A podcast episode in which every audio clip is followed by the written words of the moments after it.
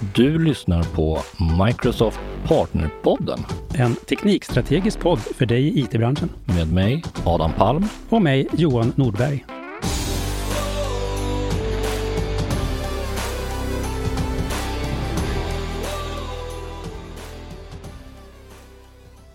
Hej och varmt välkomna tillbaka till ytterligare ett avsnitt av Microsoft Partnerpodden. Uh, idag har vi min och Johans favorit GTM Nina Rapp med oss. Är det fortfarande GTM man säger?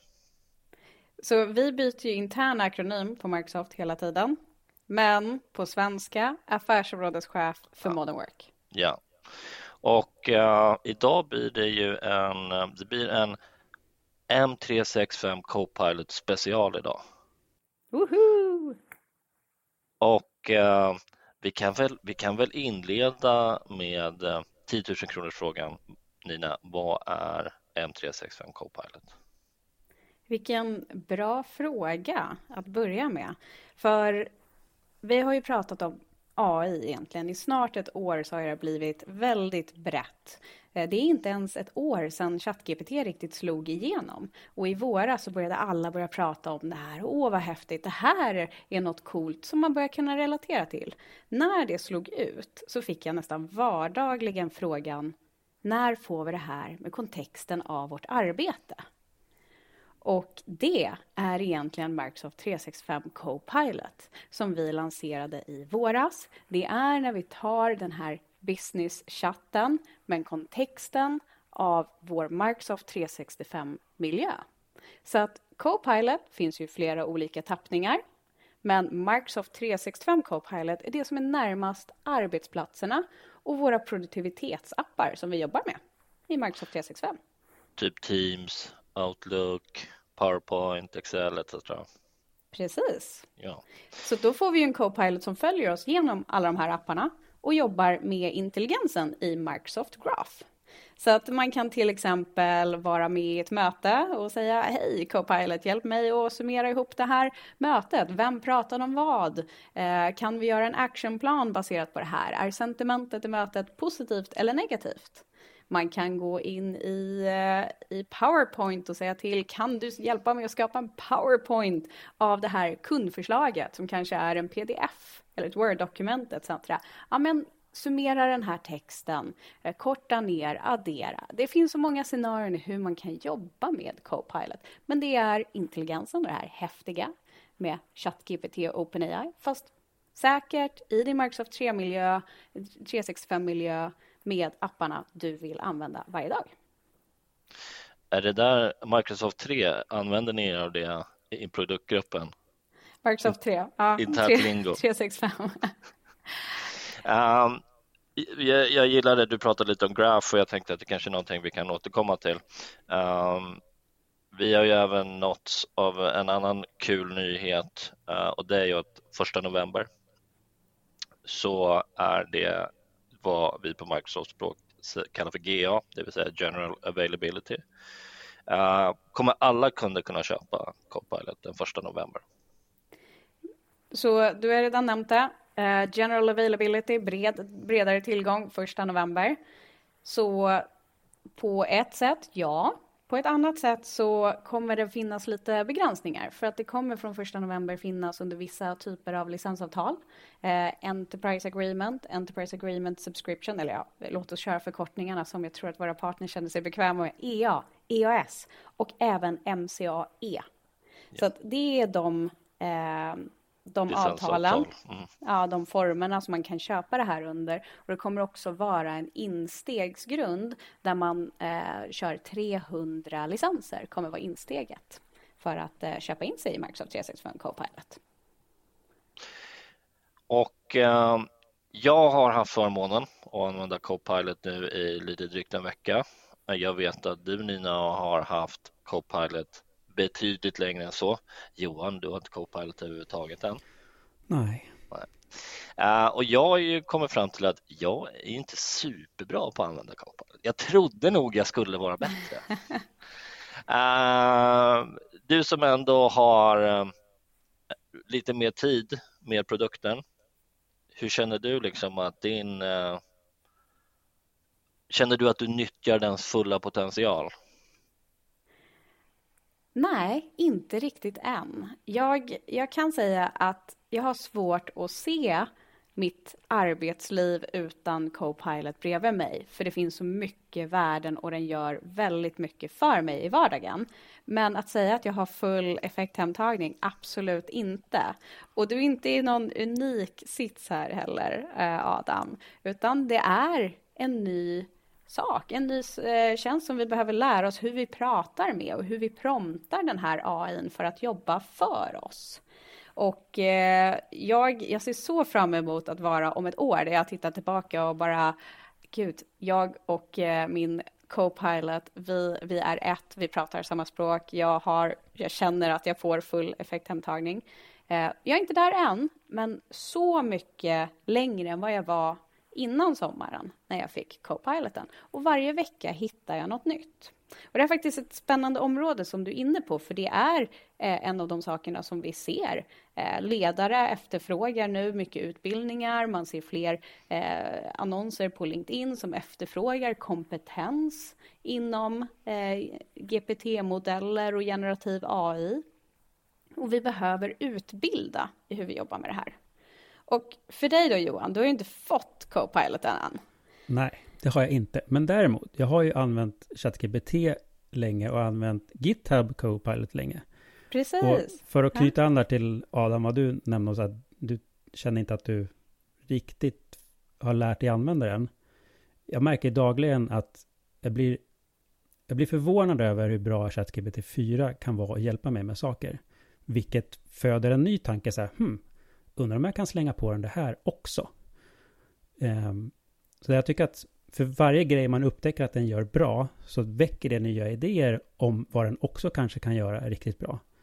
Uh, jag, kan, jag kan ta ett exempel som jag gjorde nyligen där nu när ChatGPT har lärt sig att, att surfa på webben. Jag håller på att plugga till ett GitHub Actions-certifikat. Så att jag gav den alla länkar till alla artiklar i learning pathen. Och så sa jag jag ska plugga till det här certifikatet. Det handlar om det här. Ge mig tio stycken frågor och svar för varje av de här artiklarna. Presentera i ett tabellformat som jag kan importera till en app jag använder för att göra flashcards. Och så satte den igång. För ett år sedan så hade jag aldrig kommit på tanken på att jag kan ge den så många instruktioner på en gång. Utan då hade jag kanske mer använt det som ett sökverktyg eller så här, gör A. Men nu är det mer som att jag har det här problemet, hjälp mig lösa hela problemet på en gång. Eh, så att jag tror att det är, ju mer man använder det, desto mer upptäcker man vad det faktiskt klarar av. Och nu Johan, nu är du så spot on. För jag tror att många av våra partners också sitter och det kliar i kroppen. När ska vi få det här? Vi måste ju få tag på det här fantastiskt häftiga. Men man behöver ju inte vänta på just Microsoft 365 Copilot. Man kan komma igång och öva med tjänsterna som är tillgängliga. Och vi har ju faktiskt också Bing Chat Enterprise som finns tillgängligt nu för alla med Microsoft 365. Har vi faktiskt inkluderat det, där du kan jobba med ditt företagskontext i Bing-chatten. För att du har ju också fått eh, säkerheten där och att modellerna inte tränas på det. Så att om är du det, kör ChatGPT... är det alla ja. MTs, är det, jag har fått för mig att det är typ E3, E5? Ja, så Microsoft 365 E3 and above. Ja. Har fått eh, Bing Chat Enterprise eh, inlagt. Så att där kan man komma igång och faktiskt öva på att nyttja de här tjänsterna. Det är också ett perfekt sätt faktiskt att visualisera kraften av vad man kan göra med generativ AI för sina kunder, om hur man vill ta den här dialogen redan innan man själv får Microsoft 365 Copilot. Att visa det och sen prata om kontexten. Okej, okay, när det här flyttar in i i Teams och i Microsoft 365 och dina appar, då kan du ta det här med kontexten av dina dokument. Du kan ta kontexten av dina möten. Så att eh, det, jag gör väldigt många gånger så här, summera ihop åt mig, är, hur många möten och chattar har nämnt det här området? Vad är topppunkter som då har nämnts på de här temana? Det gör jag när jag ska sätta mig ner och brainstorma. Det är ju för att jag har kontexten att den ser mina möten, den har varit med i mina möten som också då har transkriberats, eh, lyssnar mina chattar etc. Så att jag får den kontexten. Men jag kan ju ett motsvarande scenario bara utan, utanför kontexten av Microsoft 365 i Bing Chat Enterprise. Ja, och där tycker jag också att man kan, även om inte Bing Chat kommer kunna skapa PowerPoint-presentationen liksom som en PPTX-fil, du kan ju ändå be den att säga så här, typ, jag ska göra en presentation om det här. Ge mig tio slides med fyra punkter på varje slide och inkludera speaker notes. Så kommer du få Precis. det i punktform och sen en textblobba som du enkelt kan copy-paste som grund. Eh, det där använder jag ganska mycket faktiskt. Men om vi, om vi kommer tillbaka lite till temat med generell generativ AI. Jag, jag tycker att alla behöver komma igång och börja leka och testa. Vi som var i de tidiga vågarna internt av Microsoft 365 Copilot, vi har ju faktiskt suttit och delat också. Vad är din bästa? Hur använder du Copilot? Vad, vad funkar? Prompts och så vidare. Precis som det var lite på middagar med vänner i våras när alla började prata ChatGPT. Åh, jag promptade det här, titta det här, jag har satt ihop, jag har satt ihop en garageplan, jag har satt ihop en reseplan till Thailand eller vilka scenarion, att dela det väldigt öppet. Och här eh, när vi lanserade General Availability så lanserade vi faktiskt också att vi kommer inkludera eh, Microsoft 365 Copilot Lab.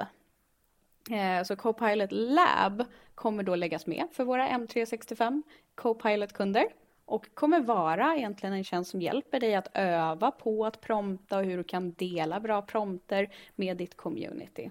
Så att vi verkligen jobbar vidare med det här, för det är en, en stor förändring. Alltså det, precis, jag tror att det många gjorde i början när, de, när ChatGPT blev tillgängligt, det var ju att de trodde att det var en sökmotor. Ja. Och så, så börjar man skriva så som man har betett sig på -hmm. Google i 20 år. Men det här är, det är ett nytt sätt att jobba på. Det är nästan mer likt programmering i talat språk än vad det är sökordoptimering. Och där kan vi se både från vår interna resa med Microsoft 365 Copilot so far, men också från våra early access-kunder som har varit med, så kan vi faktiskt se en spännande sak. Och det är att erfarna ledare har lite fördelar i att få ut värde av det här och att få Copilot att jobba för sig. Det kommer tillbaka till att man är mer van att kanske delegera, be om saker och eh, tänker man då, det finns otroligt många scenarier i hur man ska ta Copilot. Jag tycker att de i möten resonerar väldigt väl. Till exempel om jag är sen till ett möte idag. I, I gamla världen så hade jag behövt säga ursäkta, förlåt, jag är lite sen, vad har ni pratat om? Så att vi kan fortsätta en kvalitativ konversation därefter. Nu behöver jag inte göra det, för nu när jag hoppar in i mötet, så då har jag Copilot. Bara jag som ser min konversation med Copilot, ingen annan. Där jag kan säga, okej, okay, hej Copilot, summera vad som har sagts eh, tills nu. Och sen kan jag ställa följdfrågor. Okej, okay, har den här personen pratat än? Har det här området nämnts? Eh, och jag får det så att ingen behöver stanna och pausa. Och, och det är lite som att tänka att man har en junior assistent som sitter i rummet och lyssnar. Kanske inte förstår eh, allting, men kan redogöra för det som har sagts. Kan inte lägga på den här kontexten av din expertis i vad du gör med informationen. Det är ju fortfarande du och där det mänskliga verkligen kommer fram att vi tar bort det redundanta. Eh, vi tar bort lite av det som inte är mänsklig ingenuity Eh, och eh, gör det bara enklare att få, få vara våra bästa jag på arbetsplatserna. Och det här är de, de som har varit ledare och kanske haft assistenter etc. De har lite enklare att ställa om till det här. Då måste jag få fråga. Ja? När man säger att man är i ett sånt möte, ett möte där man har Copilot och så nämner någon någon trebokstavsförkortning som man inser att den här har jag ju hört hundra gånger nu, så nu är det pinsamt att fråga. Är det ett tillfälle där också Copilot skulle ha vett nog att jag kan ställa frågan så här, du, eh, Nina nämnde GTM, det har hon sagt hundra gånger till mig, men jag vet fortfarande inte riktigt vad det är. Kan du förklara vad GTM betyder? Är det någonting jag skulle kunna göra i en sån chatt under mötets gång? Jag har inte testat det, men finns det svaret i min Microsoft 365 miljö i grafen så skulle ju det absolut eh, gå att få fram. Tidigare har jag löst de problemen med Viva Topics faktiskt, direkt i chatten i Teams-mötet. Så det är ju ett annat alternativ att jobba med det. Men eh, ja, det borde vi kunna lösa här, även om jag inte testat än. Men, oj, men, men uh, jag tänker att det, för du pratade om Graph tidigare, Nina. Mm. Uh, och uh, jag tänker, vi har ju på vårt intranät har vi ett glossary för till exempel där man kan kolla alla akronymer vi har. Uh, så att uh, svaret på frågan borde bli ja, Johan. Ja, jag tycker det.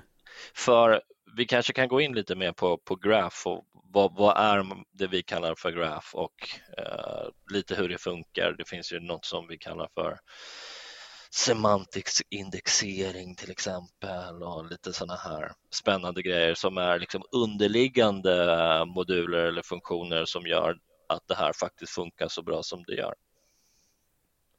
Så vi börjar med graph. Ja, vill ni förklara grafen? Nej, vi uh, hugger Nej, vi inte där. Över till dig. Vi tänker att du gör det. Så Microsoft 365 Graph är ju egentligen hjärtat av datat som samlar in och korrelerar hur allting hänger ihop och är kontexten och intelligensen bakom Microsoft 365. Det, det är väldigt förenklat och jag vet ju att ni har haft ett, eh, en tidigare podd tillsammans med Anders på OneWin också ja. som har gått igenom mycket kring datat. Så det baseras egentligen på grafen, att det du har tillgång till idag, det är vad Copilot kommer att ha tillgång till idag. För det är grafen och styrkan där. Utmaningen är om man inte har städat sitt data. Eh, så kommer ju Copilot också att komma åt det du redan kommer åt idag. Så det finns lite städningsarbete och där tycker jag att er podcast eh, tillsammans med Anders är väldigt värd att lyssna in på. Ehm, men eh, det är ju det är förändringsledning och allt möjligt inblandat i det här. Och eh, vi behöver tänka till exempel på vart det är vi sparar information. Vi, vi har ju ofta eh, velat, många organisationer, att bara, men jag skapar en länk här. Alla i organisationen som har tillgång till den här länken eh, kommer komma åt det. Istället för att vi kanske ska lägga det här mer i kanaler Eh, och platser och ytor där rätt personer har tillgång till det. Vi behöver klassa, vi behöver jobba med de frågorna. Så att eh, Copilot är bara riktigt duktig på att hitta det som du annars hade kunnat hitta och sätta mer kontext. Och det som jag tycker är liksom ganska fascinerande med just grafen i sig, för eh, ibland när man säger data så är det lätt att tänka liksom med typ SharePoint, alltså dokumentation, sådana saker. Men i, i det här fallet så pratar vi liksom kalenderinbjudningar, chattar, e-post. Yeah. Det är så himla mycket saker som jag kan bara ta som exempel när jag klickar på den här länken jag ska ringa in när vi ska spela in den här podcasten så är det liksom i sig en, en, en kalenderinbjudan i Outlook. Och när jag klickar på den eh, då får jag upp en liten ruta där det står vad jag och Johan pratade om inför det här avsnittet med dig Nina. Så då står det liksom konversationen med borde vi kanske prata om det här och ska vi ta upp det här och sådana saker. Så att den sätter ju otroligt mycket saker i kontext till ändamålet eller föremålet eller vad man ska kalla det och det, det funkar faktiskt otroligt bra. Uh, jag tror att det är så lätt att hänga upp sig på data ibland om man tänker liksom på länkar eller dokument och sådana saker, men det, det, det är ganska mycket mer. Så mycket liksom att plötsligt så är det, är det någonting som lär sig hur min vardag ser ut ganska mycket. Vilka jag kommunicerar med om vad och när och vad som är relevant. Är den också bra på att förstå liksom vad som är relevant i tid? Så här, det här pratar du om ganska nyss. Det är nog viktigare än det du pratade om för två månader sedan. Och nu, nu är du inne på ett så spännande område. Hur vi lär oss att prompta. För det är faktiskt någonting när vi ber om information. Att grafen har ju mycket äldre data också om du har använt tjänster längre. Så att eh, här behöver du ju antingen städa saker som faktiskt inte är relevanta längre. Det är ju ett bra städningsarbete, bra att göra. Men ännu bättre, faktiskt prompta vad det är du är ute efter. Så att jag, jag drog exemplet med att jag, jag bad eh, Copilot att summera olika områden som jag haft i både möten, mejl och chattar. Och om jag bara tar det, då kommer jag ju få historiskt allting som har legat med där. Medan där brukar jag då säga, okej, okay, inom den senaste månaden, dra information från den senaste månaden eller från senaste veckan. Här behöver man ju tänka till, vad är det som är relevant för mig? Och ibland kanske man vill ha allt den historiska datan, äh, svaret också. Så att hur man skriver en bra prompt och pratar är A och O. Och det här är lite när det kommer tillbaka till ja, hur man jobbade med sökmotorer. Det är ju ingen självklarhet faktiskt. Och det här kan man se när man tittar kanske på äldre släktingar, i alla fall i mitt fall. De vet inte hur man använder en sökmotor, men det är så inbyggt i mig i alla fall, hur jag skriver i en sökmotor för att få det jag vill ha. Men vi kan inte ta sökmotortänket till AI-assistenterna och Copilot, utan här behöver vi tänka om lite med tydlighet. Vad är det jag vill ha? När vill jag ha det? I vilket form vill jag ha det?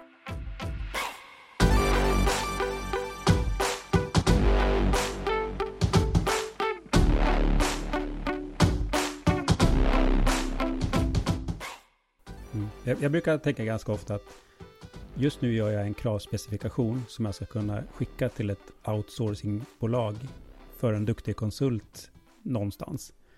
De känner inte nödvändigtvis mig. De, vet, de förstår liksom inte bakgrunden till att vad jag menar. Mm. Utan de tittar bara på vad jag säger. Vilket inte alltid är samma sak.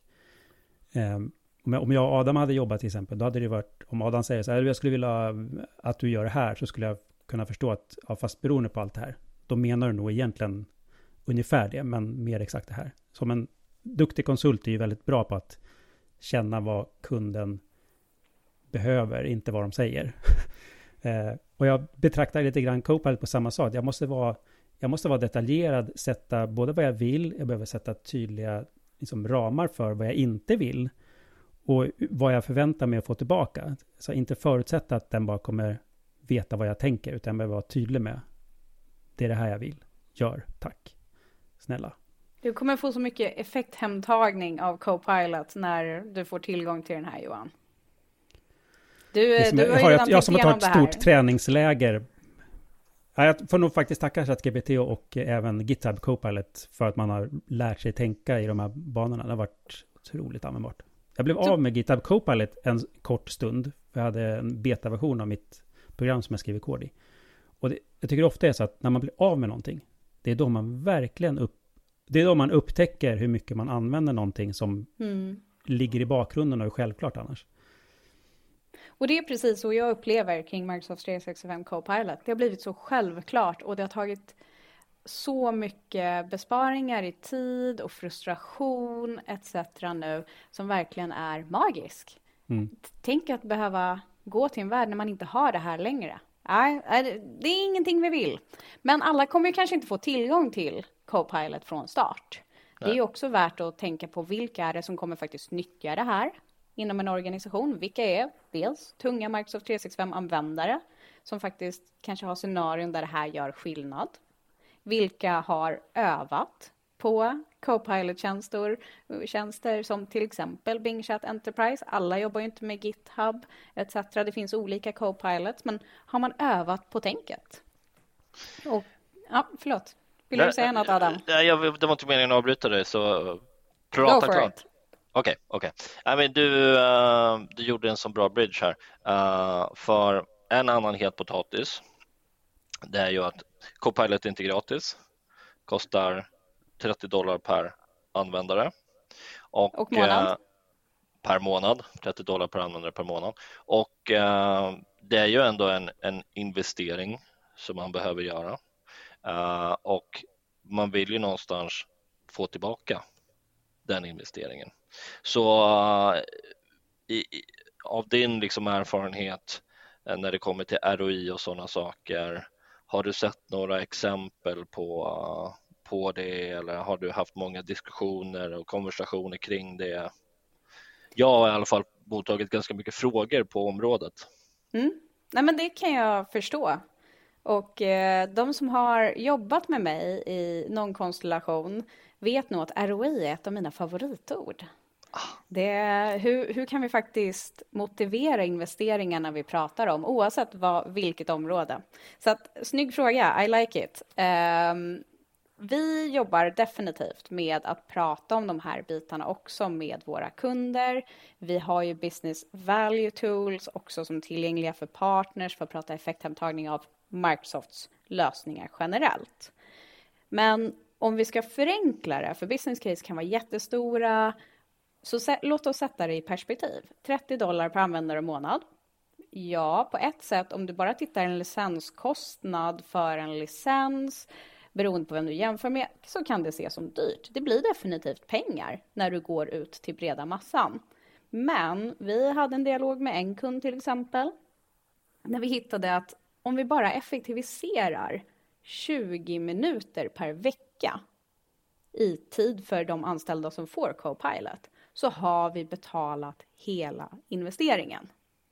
Så vi måste kanske titta utanför en licensbudget. Det här är definitivt inte en licensfråga. Det här är en fråga nu som ledningar, 70 procent av ledningar har faktiskt haft en diskussion eller startat dialogen om hur generativ AI kommer påverka företaget och företagets riktning, vad man ska göra av det här.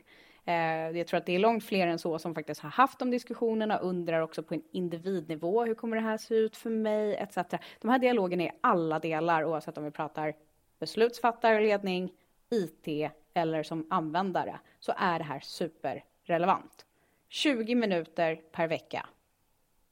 Det är jag som har nu haft det här tillgång till Copilot ett tag. It's nothing. Bara det faktum att jag inte behöver lyssna i kapp på möten där har jag min effekthemtagning långt mycket mer än 20 minuter per vecka. Och det är bara ett av så många scenarion. Det går jättefort. Och de 20 minuterna som ni pratar om i det här specifika fallet, det är då i relation till personalkostnaden? Ja, i relation till lön. Ja. Och eh, att sätta då på den tiden, så här mycket snittar vi eh, våra anställdas löner, eh, att kunna bespara, då har, vi, då har vi vunnit hem. Det är bara ett scenario mot lönen. Sen effekthemtagning, och det här kan alltid vara olika beroende på vem du pratar med, resonerar de bitarna. Men när vi lyfter det här och tittar med olika budgetar och perspektiv, ja, då, då, då brukar inte ROIn vara svår att få ihop. Men man behöver lämna dialogen om licenskostnader. Mm. Och använda verktygen. Ja, och det finns så många fler scenarion än bara lön och tid och så som man kan räkna på. Men det kanske blir lite för stort att försöka rita upp hela ramverk och förklara hur vi kan räkna ROI med Copilot. Det är definitivt en viktig fråga. Och jag hade startat med vad är värdet och sen kan jag prata strategi generellt om vi pratar med beslutsfattare som kommer behöva ta de här besluten och investera i generativ AI och förhoppningsvis M365 Copilot. Att eh, va, varför investerar vi? Vad är det för utkomster vi vill se? Vissa är rädda att de ska förlora jobbet när AI kommer in. Men det vi ser i datat är faktiskt att eh, ledare vill hellre se högre produktivitet och bättre utkomster än att reducera antalet anställda. Mm. Så låt oss ta den konversationen. Vad vill vi uppnå faktiskt här med, eh, med Copilot, med generativ AI? Vilka värden är värda? Hur ska vi mäta dem och ha diskussionen proaktivt? Så den strategiska frågan är väldigt, väldigt viktig att landa. Mm. Där har ju även, jag kommer tillbaka till GitHub igen här, men där har ju, de har ju kommit lite längre med som utrullning, så de har ju många användare. Och de har ju gjort undersökningar på, alltså, hund, inte hundratusen, men Alltså typ 60-70 000 användare. Där de har frågat vad, vad, de tycker att det är värt. Liksom, gör det dig till en bättre utvecklare? Sparar du tid? Trivs du bättre på jobbet? För du slipper göra massa dussin saker, så repetitiva saker. Eh, och den är ju väldigt tydlig. Nu kanske inte den är riktigt lika dyr då som M365 Copilot är, så att det kanske blir lättare att komma igång.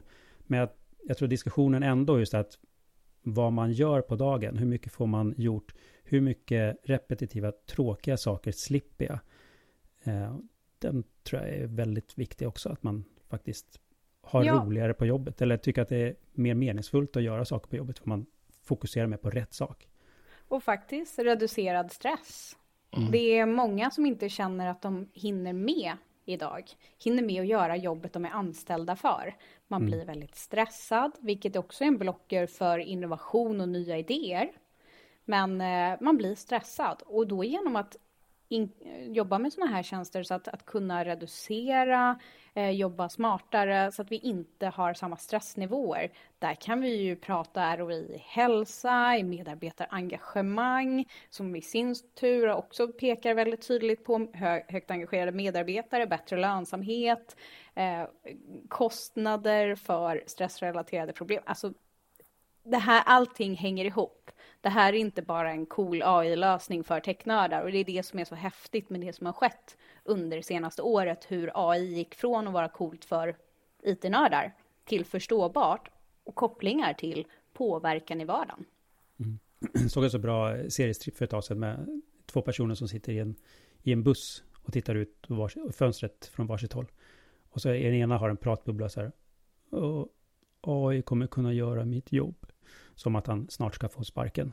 Och sen på den andra sidan sitter någon som säger AI kommer kunna göra mitt jobb! Så superentusiastisk. För att just kunna göra delar av de bitarna. Som, alltså, let's face it. Många delar av ens jobb är ju jävligt tråkiga. Kunna slippa de som är tråkiga är ju ja. de här äh, repetitiva... Exakt. Liksom, ja. Fylla i TPS-reports för att dra en Office Space-referens. ja, men någonting som vi har varit inne på det tidigare, men någonting som jag tycker är otroligt skönt, Microsoft, um, vi, vi är duktiga på att bjuda in till mycket interna möten. Uh, många av de här mötena är viktiga att gå på för att man delges liksom information. Uh, som, uh, men samtidigt så har man sina externa åtaganden som man i alla fall jag försöker prioritera. Men just att bara kunna få det summerat. Håller med. Och många av de här mötena, åtminstone för min del, är ofta på en tidszon som inte är helt optimerad för Sverige. Ja, så kan det också vara. Bara kunna göra det, så, men jag låter det ta, inspelningen ta det, jag kan få ett transkript, jag kan fråga om de viktiga sakerna efteråt. Det ser jag Start fram emot 18.35. Ja, ja, och här kan man ju faktiskt framöver också skicka Copilot i sitt ställe. Ja. Så att i Outlook svara och säga nej, jag är inte så här, jag är med eller jag är inte med och också det fysiska eller virtuellt som vi har. Eh, men jag kan säga tyvärr, jag kommer inte vara med, men jag skickar Copilot. Det som händer då för den som håller det här mötet informerar om att vi har en deltagare här som eh, skickat Copilot i sitt ställe, så glöm inte spela in och starta transkriberingen här, vilket är grunden för att Copilot ska förstå kontexten och vad som sägs i mötet. Eh, och sen så då kommer det tillbaka till en summering till den som har eh, sagt att ja men Copilot, be there in my stead. Så, eh, så får du den summeringen. Det här var som sades, har du några frågor och så kan du konversera med den. Alltså det här är så bra. Det här har vi om 20 minuterna utan problem per vecka. Ja. Alltså det här är ju timmar per vecka eh, beroende på vem man är. Vi ser ju i våra undersökningar också att eh, 57 procent av all tid när vi tittar på våra Microsoft 365-användare används till att bara kommunicera. Chattar, möten, eh, ja, mejl. Och tänk då om vi kan ta det vi kan förenkla, vi kan ta Copilot som hjälper oss att skriva utkasten så att vi kanske snabbare kan få iväg våra mejl, kvalitativa mejl om vi fortfarande har det. Vi kan summera tiden, eh, liksom sändningen av information, kan ta kontext och säga kan du förklara vad det är i det här femsidors dokumentet, vad är huvudpunkterna? Um, så att vi kan spara tid på det, summera möten. Alltså här kan vi verkligen spara tid så att vi kan gå från 57 procent att bara kommunicera till mer tid där vi kan skapa. Där vi kan skapa nya saker, hitta nya innovationer, nya idéer. Jag tycker det ska bli väldigt intressant att se om utifrån det här att vi kommer ändra, vi som människor kommer ändra beteende i vad vi använder möten till, hur vi mm. uttrycker mm. oss i möten eller hur vi uttrycker oss i text för att optimera för, att, för Copilot. Alltså lite grann som sökordsoptimering på webben, fast för Copilot. Ja. Eller om den bara kommer vara så smart så att den kommer bara anpassa sig, eller så vem som anpassar sig, eller båda kanske. Jag pratade med en, eh, en kompis till mig som uh, höll på, han skulle skriva CV och skulle söka jobb. Um, och så sa han då att någon i hans närhet hade sagt nej men så där kan du inte skriva ditt CV för alla rekryterare de använder liksom verktyg som har AI, använder AI på något sätt. Och eh, när du skriver så där, eller du skickar det där formatet så är det mycket svårare för AI liksom, att plocka upp eh, kvalifikationer eller kvalitet eller vad det nu kan tänkas vara. Liksom, så Det känns som det händer så här. Man försöker anpassa innehållet eh, i ganska hög utsträckning nu för att, det, liksom, för att man ska maximera resultatet och utfallet av de verktygen man använder. Get on board the train or get behind. Ja. Det är därför vi behöver ha de här konversationerna och varför alla just nu vill ha svaren. Vad är det här? Vad ska jag göra med det här? Hur påverkar det här? Hur navigerar vi det här på bästa sätt? För att vi kan inte förneka det här. Det här är nästa stora digitala transformation. Och det, det är, är också därför... Är det inte superspännande att få vara med om? Jo, vi kommer ju kunna berätta för nästkommande generationer. Vi var där när det hände. Hur häftigt är inte det? Ja, det tycker jag också. Det har varit liksom, nu låter mig som man är hundra år, men har faktiskt varit med från början av när kanske inte när internet föddes, men när internet blev riktigt populärt. Ja, men när det blev kommersiellt. Sen, sen, sen innan ett modem var årets julklapp. Eh, starten av liksom när mobiltelefonen verkligen tog fart och inte minst när smartphone tog fart. Eh, och cloud. När, ja, cloud och nu AI. Det har varit ganska kul att få följa med de här från hyfsat dag ett ändå. Ja, och sen så känns det också som att någonstans vi är ganska nära kvantum datorer. Alltså att få dem att få dem, de, de, de, de finns väl i någon utsträckning, uh, men att få dem till den bredare massan och få dem att funka liksom, exemplariskt, det tror jag också kommer bli liksom en sån Eh, paradigmskifte. Eh, och jag tänker också just för AI förstå liksom alla modeller och eh, hur man kan utveckla modeller med ännu mer kompileringskapaciteter tror jag, eller kompileringskraft. Ja, det är spännande tider helt enkelt som vi lever i just nu och formar. Så det är ju en fantastisk affärsmöjlighet för både oss men våra partners också att faktiskt finnas där och stötta kunderna igenom den här resan och vart är vi, vart är vi på väg? Och här skulle jag nog vilja också ge ett slag för att man måste inte ha fattat allt. Man måste inte vara expert för att kunna ta den här konversationen och hjälpa sina kunder framåt. Det gäller bara att fortsätta lära sig och utvecklas och eh, plugga på och ta, lära sig varje dialog man har. Men även om man känner att man kan lite så kan du förmodligen bra mycket mer eh, än era kunder här. Och att ha den kompetensen, om det är data och governance, ja, du data och governance är jätteviktigt. Om du är duktig på utbildningar, förändringsledning, ja men titta perfekt, där har vi ju ett annat område som kommer vara så stort. Ambassadörsnätverk och förändringsledning, hur får vi ut det här? Hur lär vi anställda att faktiskt anamma det här? Och sen så strategiskt tänkande eh, generellt. Vi har så mycket att landa det här beslutet och navigera hur att hitta den här ROIn vi pratar om. Alltså det är så spännande nu. Och det man gör bra idag, det kan man ta med in i Copilot-världen och hjälpa sina kunder att navigera innan man har förstått allting själv. Ja, mm. absolut. Um, Förra veckan så pratade vi lite förberedande Eh, övningar man kan göra inför Copilot, uh, men mer liksom uh, hur man förbereder kanske organisationen i form av data, identiteter, access etc. Uh, som användare, för då, vi har ju haft en learning path uh, för att prepare your organization tror jag den hette, jag minns inte riktigt. Finns det någon liknande learning path just nu eller vet du om det planeras att det kommer komma någon learning path mer för liksom hur man använder och interagerar med M365 Copilot? Det kommer otroligt mycket material hela tiden egentligen.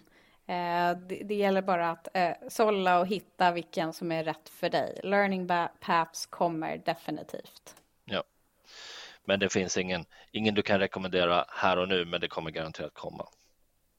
Ja, det är ju inte, jag ska erkänna, det är inte mitt expertisområde med alla learning paths och navigera dem, så att uh, det Nej, kanske det redan finns ett gäng. Uh, men uh, både internt och externt utbildning på det här området är en hög prioritet för oss. För att alla har frågor och det är så naturligt just nu.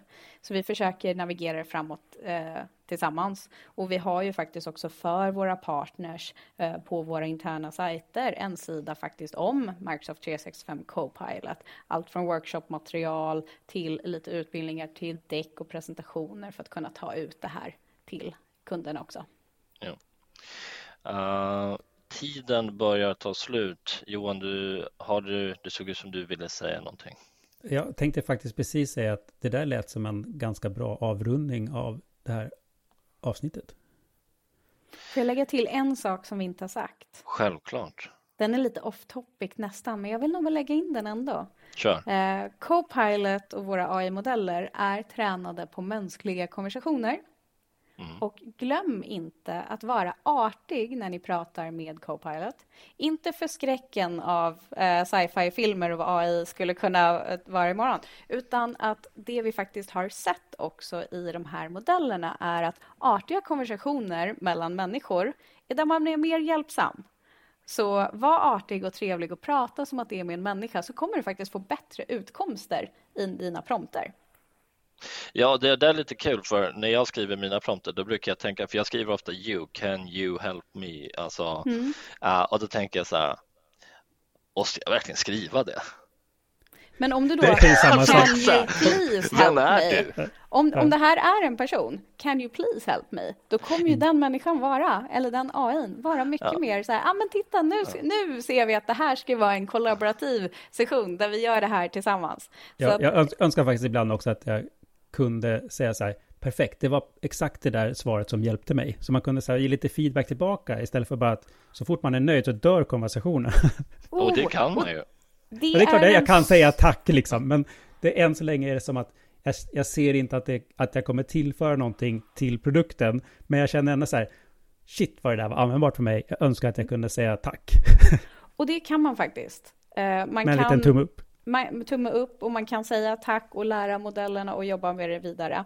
Eh, mm. Så att eh, definitivt där. Och det är väl också en jättebra call-out på temat komma igång, känna sig, känna sig bekväm med det här. För att du har en dålig prompt, kasta inte in handduken.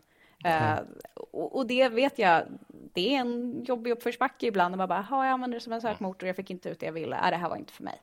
Mm. Fortsätt öva, träna, dela bra promptar med mm. andra, för vi lär oss det här tillsammans nu. Och det är en så spännande tid.